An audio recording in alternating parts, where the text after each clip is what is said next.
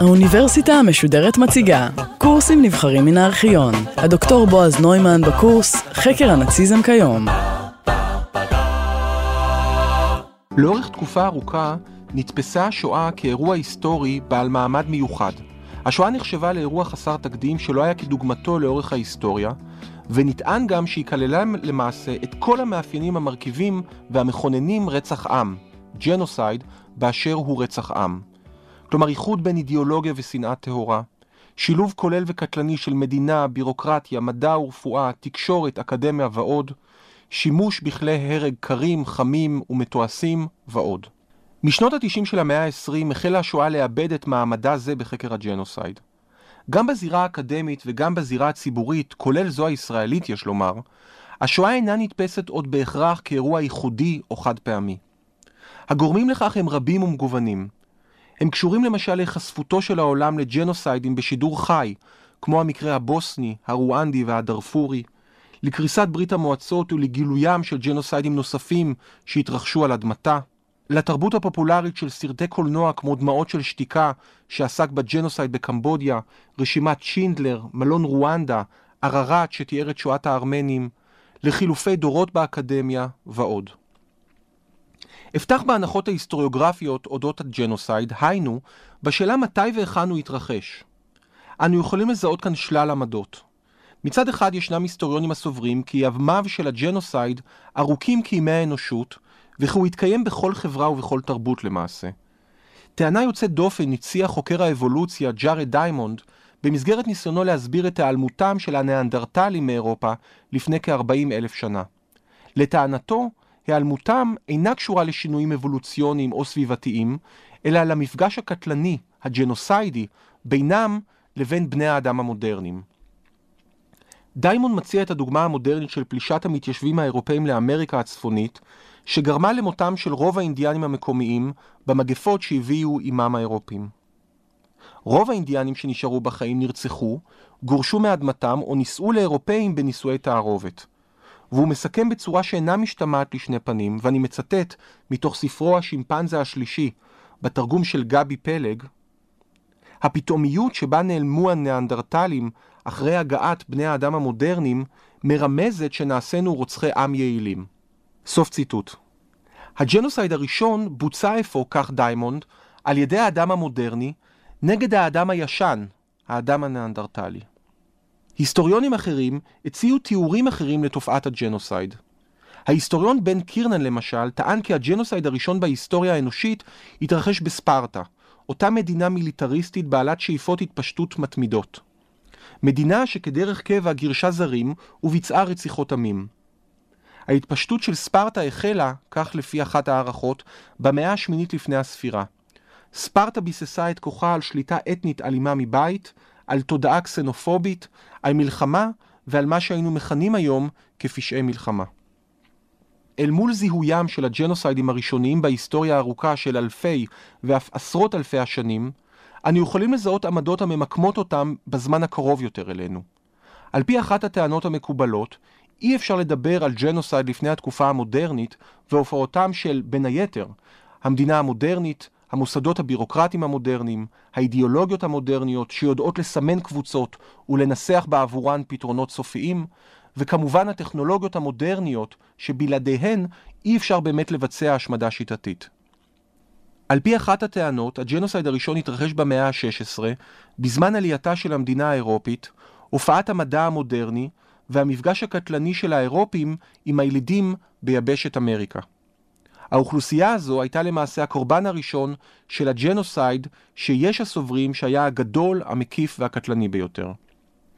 היסטוריונים אחרים ממקמים את תופעת הג'נוסייד מאוחר הרבה יותר, בהיסטוריה הקרובה יותר אלינו, במאות ה-19 וה-20. רבים מסמנים את רצח הארמנים במלחמת העולם הראשונה כג'נוסייד הראשון במאה ה-20. אחרים יקדימו במקצת ויטענו כי גרמניה הייתה המדינה הראשונה שביצעה ג'נוסייד במאה ה-20 נגד שבטי האררו והנאמה בקולוניה שלה, דרום מערב אפריקה הגרמנית, נמיביה של היום. ומה לגבי מספר קורבנות הג'נוסייד? היכן ממוקמת השואה בהקשר זה?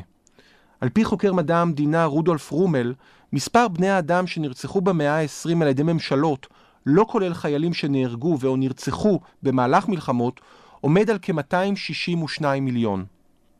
הרציחות הגדולות ביותר התרחשו בסין הקומוניסטית, כ-77 מיליון בני אדם, בברית המועצות כ-62 מיליון, במסגרת הפרויקט הקולוניאלי כ-50 מיליון, ובגרמניה הנאצית כ-21 מיליון. מפתיע ככל שזה יישמע לאור ההיסטוריה האנושית העקובה מדם, המושג ג'נוסייד עצמו הופיע בשלב מאוחר ביותר. הוא נטבע בידי המשפטן הפולני רפאל למקין, שהיה, וכנראה שלא במקרה, פליט שברח מהכיבוש הנאצי. המונח הינו צירוף של המילה היוונית γένος, היינו גזע, race, או שבט, tribe, ושל המילה הלטינית cide, הרג, ג'נוסייד. את המונח טבע למקין ב-1944 מתוך ההנחה, ואני מצטט, שתופעות חדשות דורשות מושגים חדשים. ההגדרה המילונית של ג'נוסייד לפי למקין, ואני שוב מצטט, היא הרס, destruction, של אומה, עם או קבוצה אתנית. הגדרה עקרונית זו תשמש בסופו של דבר, תוך שינויים כאלה ואחרים, בסיס להגדרת הג'נוסייד, שתופיע באמנה בדבר מניעתו וענישתו של הפשע השמדת עם, שלמקין היה מיוזמיה. מהו אפוא ג'נוסייד? הדעות רבות וחלוקות והן מתחילות כבר ברמת המינוח עצמו. ואין מדובר כאן בהתפלפלות אקדמית, אלא בעניין מהותי ומכריע. במסגרת הדיון על הג'נוסייד בכלל ושואת היהודים בפרט, אנו עלולים להתקל שוב ושוב במינוחים רבים. ג'נוסייד, דמוסייד, שואה בעברית, שהפכה כבר למילה בינלאומית, Holocaust, פתרון סופי, טיהור אתני, רצח המונים, כלומר mass killing, וזו רק רשימה חלקית. כאשר היסטוריון פלוני מכנה את שואת היהודים ג'נוסייד, הוא קורא אותה בתוך ומתוך היסטוריה רחבה מאוד, הן מבחינה מרחבית והן מבחינה כרונולוגית, כמו למשל בן קירנן, שהתחיל את ההיסטוריה הזו בספרטה. כאשר היסטוריון אחר מכנה אותה שואה בעברית, ובוודאי שואה בלועזית, הוא מיד מצביע על שונותה המהותית ממקרים אחרים. מי שמכנה את השואה פתרון סופי, מאמץ מדעת או שלא מדעת את השפה הנאצית, היינו את האופן שבו תפסו המקרבנים את מעשיהם. רצח המונים לעומת זאת הוא מושג ניטרלי מאוד שבמידה רבה מתעלם לחלוטין מכוונה, ובוודאי מכוונה אידיאולוגית שעמדה מאחורי ההשמדה. על הנפיצות הפוליטית ובוודאי הבעייתיות העקרונית, שלמעשה אי אפשר לחמוק ממנה ולפתור אותה בצורה אחת ברורה ומוסכמת, אפשר ללמוד למשל מההגדרות השונות בעניין במאגר הידע הגדול והפופולרי ביותר, הלא הוא הוויקיפדיה. תחת הערך ג'נוסיידים בהיסטוריה, בוויקיפדיה בשפה האנגלית, אנו יכולים למצוא בין היתר את הג'נוסייד הארמני ב-1915, את הג'נוסיידים השונים שהתרחשו בברית המועצות, את הג'נוסייד הנאצי נגד היהודים, אך גם את הטבח ב-1982 נגד מאות עד אלפי פלסטינים במחנות הפליטים בסברה ושתילה על ידי מיליציות נוצריות ובסיוע עקיף על ידי ישראל שהייתה בעלת בריתם של הנוצרים. בכל האמור לגבי המקרה האחרון מציין הערך כי בדצמבר 1982 גינה האו"ם את הטבח וכינה אותו ג'נוסייד. אני מעריך שעל הבעייתיות הקשה, הנפיצות ואף האינטרסים הפוליטיים העומדים מאחורי טיעונים אלה אין צורך להרחיב. גם לא על מופרכותם. זאת ועוד, תפיסה מרחיבה עוד יותר של הג'נוסייד יכולה לכלול בה אפילו קורבנות לא אנושיים כמו חיות. ואין מדובר כלל וכלל בטענה דמגוגית או פופוליסטית, אלא בטענה היסטורית, בעייתית ככל שתהיה כבדת משקל. רבים מהחוקרים הטוענים זאת מאמצים בדרך כלל את טענתו העקרונית והידועה של יצחק בשבי זינגר, ולפיה, ואני מצטט, ביחס לבעלי החיים, כל בני האדם הם נאצים, וכל יום הוא טרבלינקה. ההיסטוריון צ'ארלס פטרסון בספרו כל יום הוא טרבלינקה מ-2002 טוען לקשר היסטורי מהותי בין יחסם של בני אדם לחיות לבין יחסם של בני אדם לבני אדם אחרים ובהתאמה בין רצח חיות לרצח בני אדם. קשר זה מתחיל לשיטתו כבר ברמת השפה עם האנימליזציה של בני האדם, היינו כינוים וזיהוים כחיות. מן הידועות כי הנאצים זיהו את היהודי בין היתר כעכברוש. האנימליזציה של האדם, כך פטרסון, אינה נותרת ברמת השפה אלא מתורגמת פעמים רבות ליחס תואם. כי הרי מדובר רק בחיה, רק בעכברוש, שמגיע בסופו של דבר לרצח. את ההיסטוריה הזאת מתחיל פטרסון עם המהפכה החקלאית וביותם של החיות, עבור בהופעת תעשיית בתי המטבחיים באמריקה במחצית השנייה של המאה ה-19, ומסיים אותה בג'נוסיידים הגדולים של המאה ה-20, ובראשם שואת היהודים. פטרסון מסכם בטענה פרובוקטיבית בהחלט, ואני מצטט: במהלך המאה ה-20, שתיים מבין האומות המתועשות, ארצות הברית וגרמניה, ערכו טבח במיליוני בני אדם ובמיליארדי יצורים אחרים. כל אחת משתי הארצות הללו הרימה תרומה ייחודית למרחץ הדמים של המאה ה-20. אמריקה העניקה לעולם המודרני את בית המטבחיים, גרמניה את תאי הגזים. הדוגמאות שנתתי לא נועדו כאמור להכריע את הדיון ההיסטורי באשר לג'נוסייד, אלא להראות עד כמה המושג הוא נזיל, נפיץ ופוליטי, עד כדי כך שהוא עלול להפוך לחסר משמעות, ובמידה רבה לריק מתוכן מבחינה היסטורית. בדיונים ההיסטוריים וההיסטוריוגרפיים חובה עלינו להיזהר ממצב שכזה. אני אתמקד כאן בהגדרה של האו"ם, ההגדרה הקלאסית של הג'נוסייד, כפי שהיא מופיעה באמנה בדבר מניעתו וענישתו של הפשע השמדת עם מ-1948. הדיון הביקורתי בסעיפי האמנה מציג לא רק את היתרונות והמגבלות שלה, אלא גם משקף מבחינתי באופן עקרוני את הבעייתיות בכלל לנסח הגדרה לתופעת הג'נוסייד. אני קורא את סעיף 2 מתוך האמנה.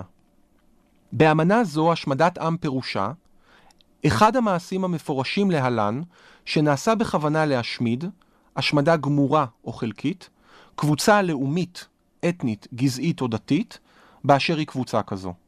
ואלה המעשים: הריגת אנשים הנמנים עם הקבוצה, גרימת נזק חמור בגוף או בנפש לאנשים הנמנים עם הקבוצה, העמדת הקבוצה בכוונה תחילה בתנאי חיים שיש בהם כדי להביא לידי השמדתה הגופנית, כולה או מקצתה, קביעת אמצעים שכוונתם למנוע את הילודה בקבוצה, והעברת ילדי הקבוצה לקבוצה אחרת בדרך של כפייה.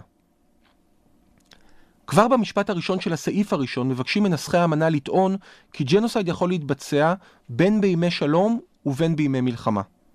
הדגש כאן הוא על אפשרות קיומו של ג'נוסייד בזמן מלחמה. היא נועדה למנוע טענה פוטנציאלית מצד הרוצחים כי לא מדובר בג'נוסייד אלא במלחמה. זו למשל טענתם הקלאסית של הטורקים ביחס לג'נוסייד שביצעו בארמנים בזמן מלחמת העולם הראשונה. הסעיף השני של האמנה קובע כי ג'נוסייד הוא מעשה שנעשה בכוונה. הטענה לכאורה ברורה מאליה. האם אפשר לבצע ג'נוסייד שלא בכוונה? התשובה בהחלט יכולה להיות חיובית. ההיסטוריה בהחלט מראה כי ייתכן ג'נוסייד שהוא תוצאת לוואי של כוונה לא ג'נוסיידית. ג'נוסיידים רבים יכולים, ואכן אף היו, לפי היסטוריונים, פועל יוצא של כוונה למהפכה חברתית, או למשל פוליטית. האירופים התכוונו להשתלט על אמריקה ולכבוש אותה. סטלין ביקש לבצע מהפכה פוליטית וחברתית בארצו. שני המקרים הסתיימו בסופו של דבר בג'נוסייד. בהמשך הסעיף השני, כותבים מנסחי האמנה כי ג'נוסייד הוא מעשה מכוון שנועד להשמיד קבוצה, השמדה גמורה או חלקית. בכל האמור לגבי ההשמדה הגמורה, הדברים ברורים. אולם מהי בעצם השמדה חלקית? מהו אותו רף שמעליו נגדיר את ההשמדה כג'נוסייד, ושמתחתיו הוא כבר לא?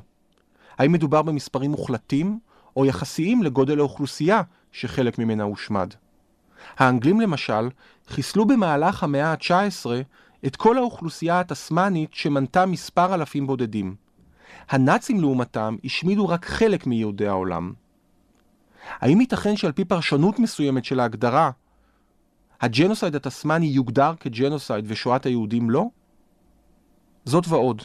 מהמשך האמנה אנו למדים שג'נוסייד יכול להתבצע אפילו ללא קורבן אחד בנפש, למשל על ידי גרימת נזק חמור לגוף או לנפש, או לחילופין העברה כפויה של ילדים מקבוצה אחת לשנייה. אם ג'נוסייד אכן יכול להתרחש ללא שנרצח אפילו אדם אחד, הרי שגם המונח השמדה נפתח לאין ספור פרשנויות שבמידה רבה עלולות לרוקן אותו ממשמעות. בהמשך המשפט הפותח את הסעיף 2 אנו נתקלים בסוגיה נוספת. מנסחי האמנה קובעים כי ג'נוסייד יוכר ככזה רק אם הוא מכוון נגד קבוצה לאומית, אתנית, גזעית או דתית. ומה באשר לקבוצות אחרות? מה באשר לקורבנות של קבוצה פוליטית, כמו למשל מאות אלפי קורבנותיו הפוליטיים של הטרור הגדול של סטלין ב-1937? ומה באשר לקורבנות של קבוצות מגדריות, כמו של הומואים?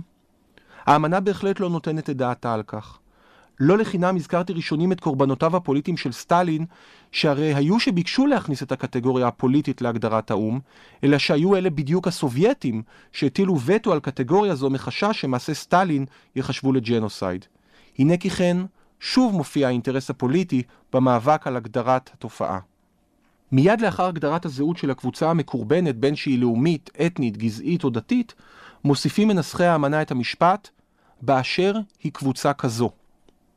מנסחי האמנה מבקשים לחדד כאן כי השמדה לצורך ג'נוסייד תתקיים אך ורק כאשר היא מכוונת לא כלפי פרט כפרט, אלא כלפי פרט כחלק מהקבוצה.